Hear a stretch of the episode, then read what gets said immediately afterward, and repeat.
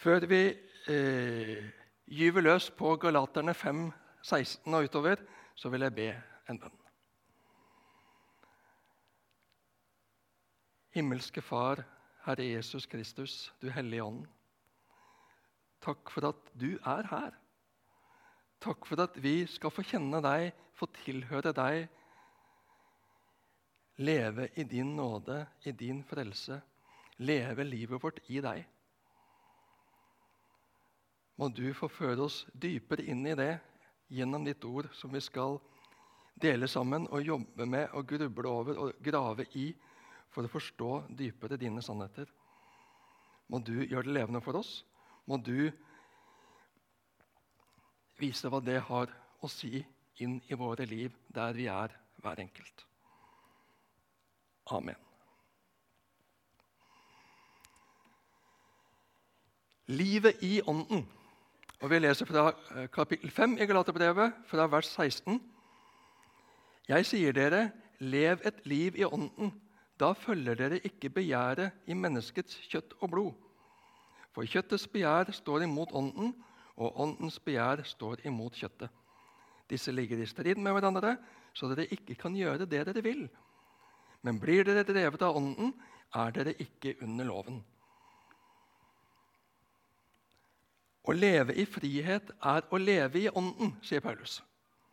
Vi var slaver under synden, men er nå frie Guds barn under nåden. Friheten kan mistes, har Paulus advart menigheten om tidligere i brevet. Noen går fra frihet under loven med alt vi bør gjøre. Andre bruker friheten som påskudd for å leve i synd og gjør seg igjen til slave under synden. Det er kun Ånden som kan bevare oss i en sann frihet.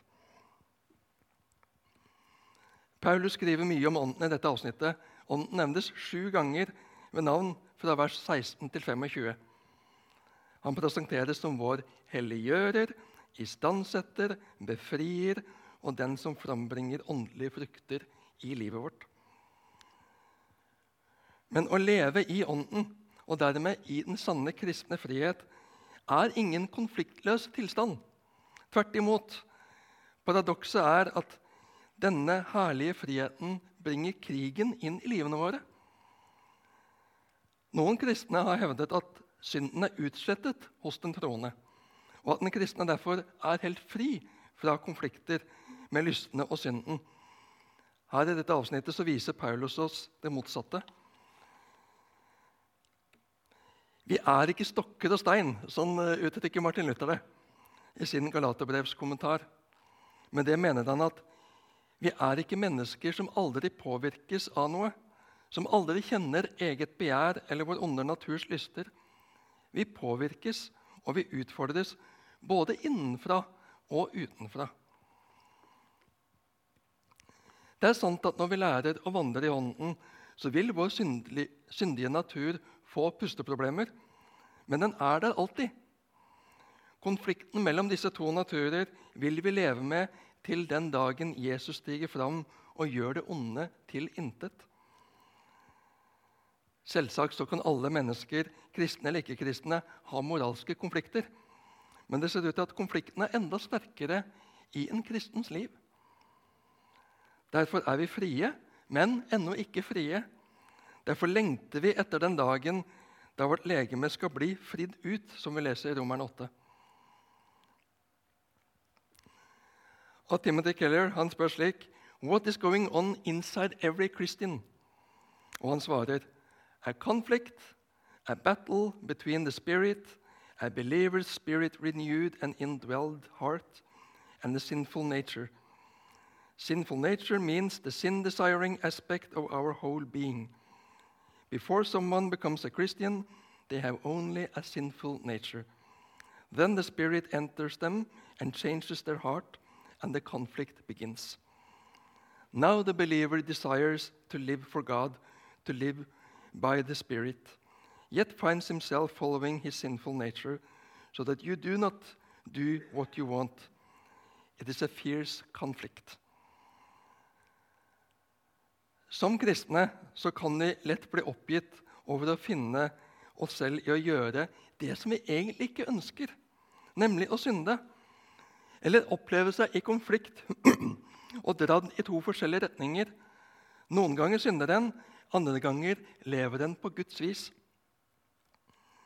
Paulus sier om denne interne kampen i en kristen at dette er den kristnes liv. Kampen er ikke et tegn på at det er noe galt, men at noe er riktig. Ånden er i virksomhet. Og I slutten av vers 17 så kommer bekreftelsen. For kjøttets begjær står imot ånden, og åndens begjær står imot kjøttet. Disse ligger i strid med hverandre, så dere ikke kan gjøre det dere vil. Det virkelige oss, det evige oss, er ikke den syndige natur, men den åndsledede person. Selv når vi faller i synd, så kan vi si dette er ikke den virkelige meg. Ikke hvem jeg egentlig er, eller hvem jeg virkelig, hva jeg virkelig ønsker. Jeg er Guds, og jeg ønsker ham og hans vilje. Jeg kjemper med min gamle falne natur, som lar seg lokke av synden. Men innenfor Gud er det gamle mennesket i meg dødt med Kristus. Og en dag skal jeg bli helt fri hjemme hos far. Utfordringen er å ikke til enhver tid forvente at livet skal være enkelt. Hver dag må vi søke å følge Ånden. Vi vil aldri komme forbi krigen her i livet. Og vi kan aldri gi opp kampen. Vi behøver ikke å velge synden. Vi kan velge å følge Åndens påminnelser og Åndens vilje. Hva sier dette om hvordan vår syndige natur virker? Hovedproblemet er ikke at vi ønsker onde ting, men at vi er for oppslukt av gode ting. Den onde natur gjør noen ganger gode ting til Gud. Påstår at vi trenger dem for å være virkelig oss sjøl. For å føle oss trygge og betydningsfulle eller tilfreds. Denne oppsluktheten er syndig fordi den benekter at det er Gud vi trenger, eller bagatelliserer at det er Gud vi trenger. Vi har vel alle erfart på en eller annen måte det å bare Jeg må bare, må bare ha det! Og så tar vi oss selv i å gjøre det det krever for å, for å få det, selv om vi egentlig visste at det var galt. Denne oppsluktheten er et resultat av vår syndige natur. Men vi skal ikke la det ta motet fra oss. Satan skal ikke få narre oss til å gi opp troen og livet i Gud. Men vi skal stadig forsøke inn til Gud, stadig forsøke inn til Jesus. Stå i avhengigheten av ham, av hans nåde, av hans tilgivelse. Den bærer, den holder. Og i det rommet, i den avhengigheten, driver og dreier og former Ånden oss til å bli mer lik ham.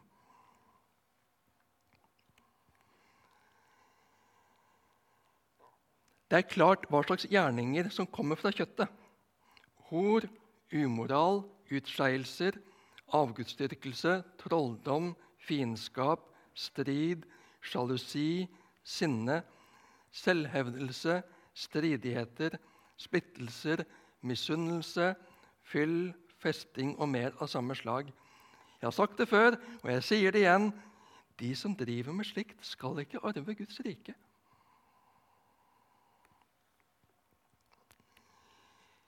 Nå vil jeg at du skal se på disse, disse versene. Plukke ut to eller tre av kjøttets gjerninger og se hva disse er resultat av overfokus eller oppslukthet av i utgangspunktet gode ting. Bruk litt tid for deg sjøl. To minutter får du på det.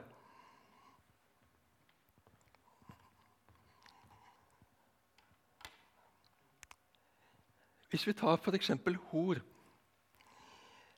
Sex er i utgangspunktet en god ting. Men utenfor sine rammer så er det destruktivt. Strid det, det har sin rot i et engasjement. Gjerne et godt engasjement for ting, men hvor det blir viktigere å ha rett enn å se andre og det å holde sammen. Festing. Det å feire, det å glede seg, det er jo flott. Vi skal jo det. Men overfokus på det kan føre til flatfyll, f.eks. Disse versene kalles ofte en lastekatalog. Og Det finnes flere slike i Det nye testamentet, f.eks. i 1. Korinterbrev 5 og i Romerne 1, fra vers 28. De gir et grelt bilde av hva syndenaturen kan få fram i et menneske. Det er synlige ting for alle. Den gamle naturen er skjult, men gjerningene kan ikke holdes skjult. Det er gjerningene som avslører naturen. Slik er det også med åndens nye natur. Det er fruktene som avslører hvem vi er, eller hvilken natur som dominerer i livene våre. De gjerningene som kommer ut av vår syndige natur, kan vi kategorisere under fire temaområder. Seksualitet, religiøsitet, samfunn, drukkenskap rus. Hvorfor Paulus nevner nettopp disse lastene i dette brevet, det kan sikkert ha noe med den kjennskap han har til hva galaterne sliter med, å gjøre. Han legger til en alvorlig advarsel. De som driver med slikt, skal ikke arve Guds rike. De som driver med slikt. Det handler ikke om å falle for fristelsen eller overrumples, men å praktisere og innrette seg etter, avfinne seg med og forsvare. Og la kjøttet, den gamle natur, uhindret få sin vilje. En kan falle i synd og be om tilgivelse og få tilgivelse. Det er nåde å få, også for slike ting. Men det må ikke forbli vår livsform. Det Bibelen kaller synd, kan ikke vi forsvare. Da ekskluderer vi oss fra gudsfryktens, rettferdighetens og kjærlighetens rike. I evangeliene kan vi lese at Guds rike er kommet nær. I og med Jesus var Guds rike nær. For Guds sønn var iblant dem, og han var nettopp kommet for å åpne Guds rike for alle som vil ta imot. Når det her står om å arve Guds rike, så handler det om å nettopp få komme inn i Guds evige rike. Guds himmel. For å komme dit så må vi leve i Kristus. Leve i Ånden, i tilgivelsen, ikke i synden etter kjødet. Like fullt er det ikke noe vi kan gjøres fortjent til, men noe vi arver fordi vi er barn, Guds barn av bare nåde. Men Åndens frukt er kjærlighet, glede, fred, overbærenhet, vennlighet, godhet, trofasthet, ydmykhet og selvbeherskelse. Slike ting rammes ikke av loven. Her får vi høre om hva som kommer fra Ånden. Ikke fra kjødet, den gamle naturen, men fra Ånden. Ni dyder, ni gode egenskaper, nevnes her som frukter av Ånden. Disse gode egenskapene ser ut til å gi et bilde av den kristnes forhold til Gud, til sine medmennesker og til seg selv. Kjærlighet, glede og fred kan vi med god grunn koble til å gjelde innstillingen til Gud. Gud er vår første kjærlighet, største glede og dypeste fred. Det er kanskje ikke intuitivt for folk at disse egenskapene i første omgang og første rekke handler om vårt forhold til Gud, men det er når de er forankret i Gud, at både kjærlighet, glede og fred får både rett karakter og rette proporsjoner. Kjærlighet er ikke først og fremst forelskelse eller seksuelle følelser, men en dyp tilhørighet, hengivenhet og forankring.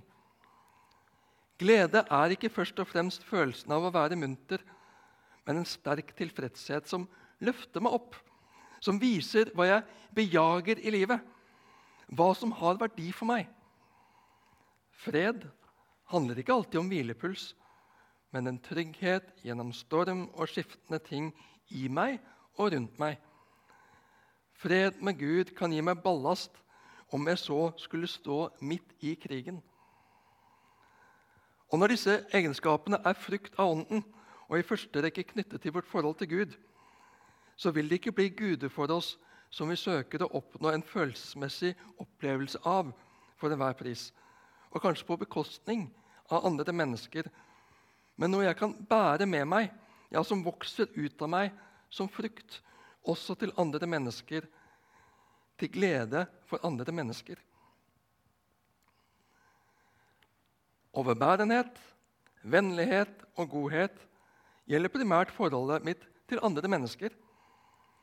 Dette er sosiale dyder, sosiale egenskaper til glede for de rundt meg. Å ha en raushet overfor mine medmennesker.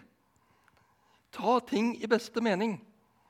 Jeg er ikke i utgangspunktet skeptisk og avstandstagende, men lyttende, lydhør og interessert i mennesket. Og at jeg vil mennesker rundt meg godt. De er ikke heft for meg. De er ikke i veien for min selvrealisering. Men de er medmennesker som jeg har godhet for og vil vel. Trofasthet, ydmykhet og selvbeherskelse synes å understreke at den kristne er til å stole på. Det handler om integritet. Disse egenskapene slår både innover og utover. De gjør meg godt, og det gjør de rundt meg godt. Så er ikke dette egenskaper alle mennesker nødvendigvis løfter så veldig opp i dagens samfunn. Noen vil kjempe for frihet, selvstendighet og uavhengighet framfor å vise trofasthet. Men da blir friheten opprivende og distanserende. Trofasthet er en kristen dyd, en åndens frukt. Ydmykhet er heller ikke noe som løftes fram av alle mennesker.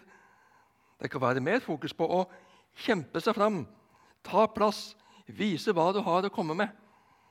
Jo da, vi skal ha trygghet, en fred for at vi har noe å komme med.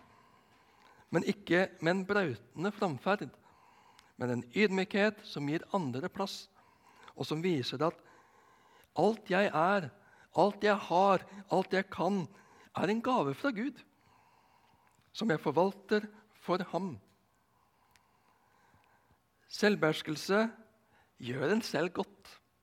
Det er ikke godt når sinnet tar av med meg. Da ble jeg både skamfull og forlegen. Det er heller ikke godt når tungsinn og bekymring tar overhånd. Men selvbeherskelse og balanse også i det. Alle disse dydene er det Ånden som produserer i en kristens liv ved at vi holder oss nær til Gud og følger ham. Og Så har jeg en utfordring til deg igjen, til egen refleksjon. Hvordan er åndens frukter resultat av troen på evangeliet? Hvordan er åndens frukter resultat av troen på evangeliet? Jeg skal reflektere litt høyt over det. La oss ta f.eks. glede. Jeg har allerede alt jeg trenger i å kjenne og være trygg på Gud som min far, i dag og i evighet. Jeg er viktig, tilfreds og trygg som hans barn i hans kjærlighet. Om jeg vinner eller taper i skole eller arbeidsliv, i statusjag, så har jeg en dypt forankret glede som ikke kan forstyrres eller ødelegges. Fordi den hviler på, på hvem jeg er i ham, og hva jeg har i ham. Og ikke i meg selv eller hva jeg er eller har i verden. Ydmykhet. Når det ligger i bunnen at Gud er tilfreds med meg. Jeg har alt jeg trenger i Jesus. Frelsen hviler på ham og ikke på noe i meg. Jeg trenger ikke å vinne andres anerkjennelse eller å kjempe meg over eller forbi andre og trykke andre ned for å være noe sjøl eller være noen sjøl. Ha et navn. Jeg har kurs for Guds rike og trenger ikke å kjempe meg frem, albue meg frem for å nå opp og fram. Jeg har min status i Gud, i det Jesus har gjort for meg. Jeg trenger ikke konstant å bli lagt merke til og få anerkjennelse for å være noe. Jeg har den forankringen og identiteten i Gud. Gud som ser meg. Hva Jesus var villig til å gjøre for min skyld, viser meg min verdi. Hvor høyt elsket jeg er, hvor verdifull jeg er. Ut av det kan åndens frukter springe fram. Åndens frukter er et resultat av troen på evangeliet.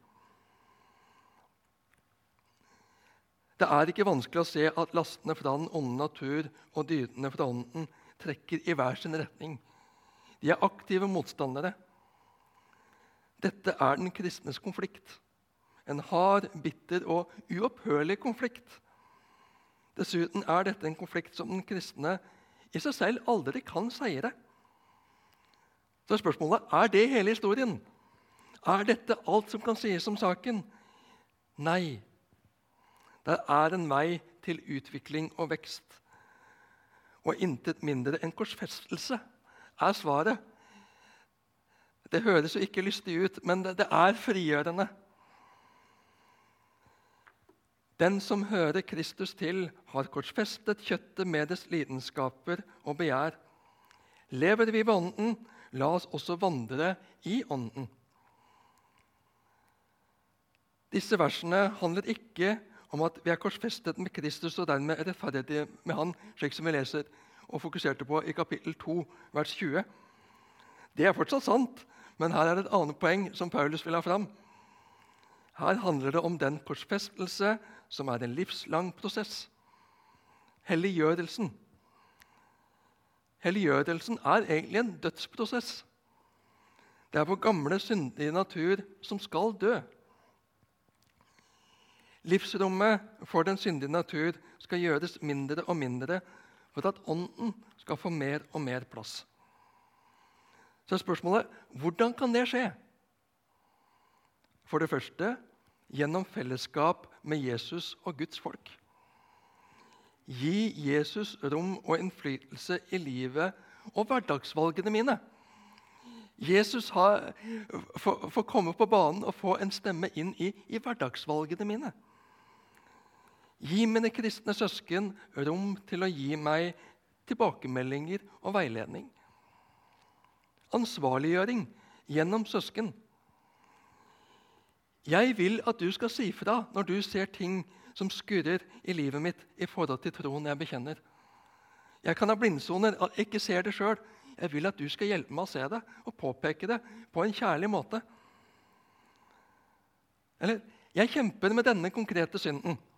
Jeg vil at du skal spørre meg minst en gang i måneden om hvordan det går, og på den måten hjelpe meg til å holde meg skjerpa og ansvarlig for eget liv og egne vaner. Det er ikke behagelig, men det hjelper en til å ikke bare la det skure, men bruke fellesskapet, bruke kristne søsken, slippe hverandre nær, til å hjelpe hverandre fram på trosveien, livsveien, livet i Ånden. Og for det andre vurdere hva jeg fyller tid og tanker med. For det som får tida og tankene mine, gir det, det som jeg gir, gir det livsrom for den syndige natur, eller gir det livsrom for ånden i mitt liv?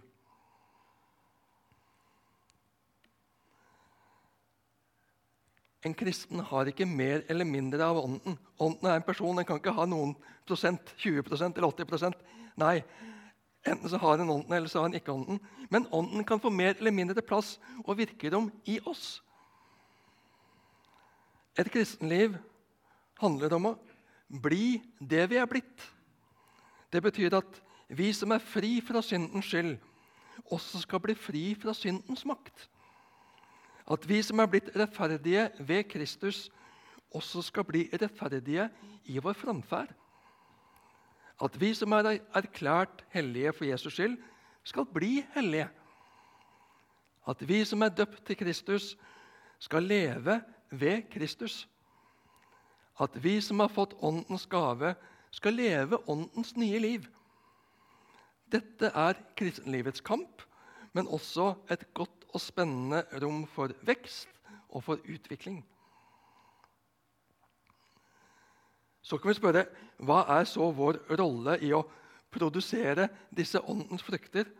Hva er vår del, og hva er åndens del? Vi skal arbeide for å bli ledet av Ånden. Og det gjør vi ved å holde oss nær til Ham, så vi lever i og gjør det Han leder oss til.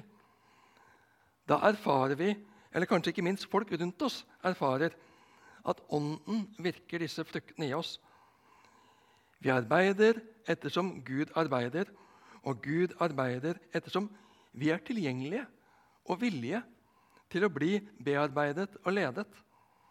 Som vi leser i Filipperne 2. Mine kjære, dere har jo alltid vært lydige mens jeg var hos dere.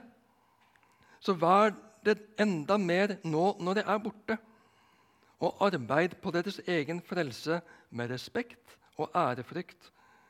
For det er Gud som er virksom i dere, så dere både vil og gjør det som er etter Guds gode vilje. Det kan være nyttig å være obs på grøftene som befinner seg på, begge sider. På den ene siden så kan vi fristes til å tenke at det er Åndens verk. Jeg skal ikke gjøre noe. Vi synger 'Det alt er ferdig, jeg skal ikke gjøre, men bare kvila i det som du har sagt'. Ja, det er sant når det gjelder frelsen. Men vi skal ikke bare være passive og hvilende som kristne. Som ansvarlige, levende kristne så skal vi holde oss nær til Ånden og lytte til Ham. Ellers så vil den syndige natur i oss lett få stort virkerom. Det nye mennesket trenger å bli ledet av Ånden, så vi ikke uten videre For vi er ikke uten videre på den kanalen av oss sjøl. På den andre sida kan vi fristes til å tenke at alt avhenger av meg. Og Ånden gis ikke plass. Jeg skal gjøre dette, jeg må få til, jeg må ta meg sammen, jeg må være en god kristen. Men det er også en avsporing. Det er Ånden som virker frukten, ikke meg. Hvis jeg tenker at det er opp til meg, da vil jeg dyrke stolthet og misunnelse og ikke fred.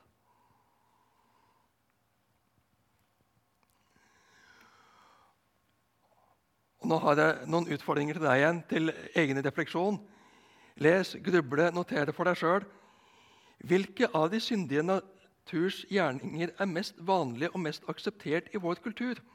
Underforstått hva står vi mest i fare for å gjøre uten å tenke over det? Eller har gode unnskyldninger for å gjøre?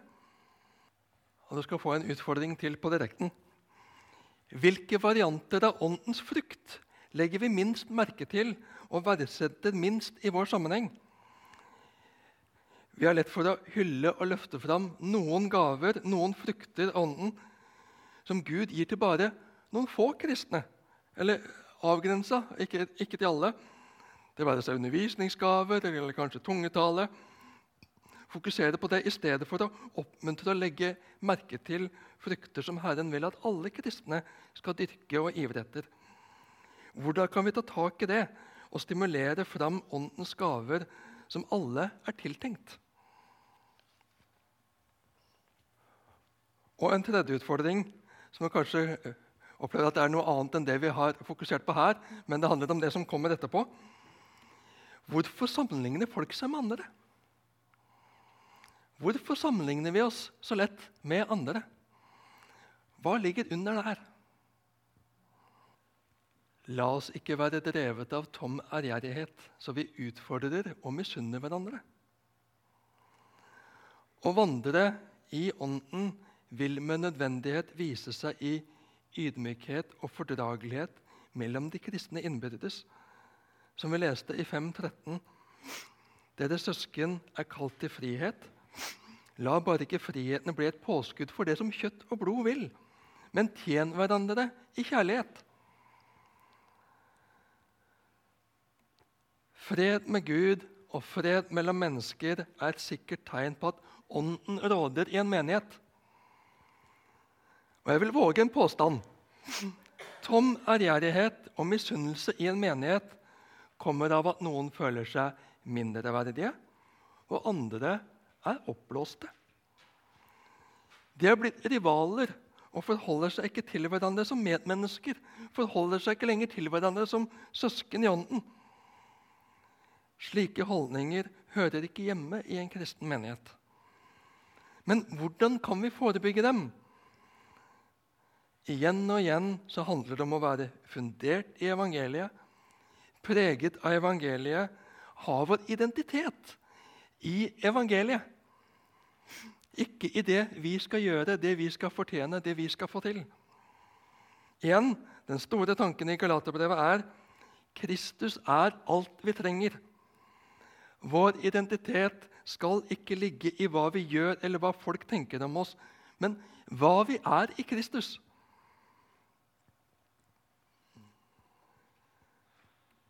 Det er bare evangeliet som kan hindre oss i å føle oss overlegne og eller underlegne. For vi kan begge deler i forskjellige saker.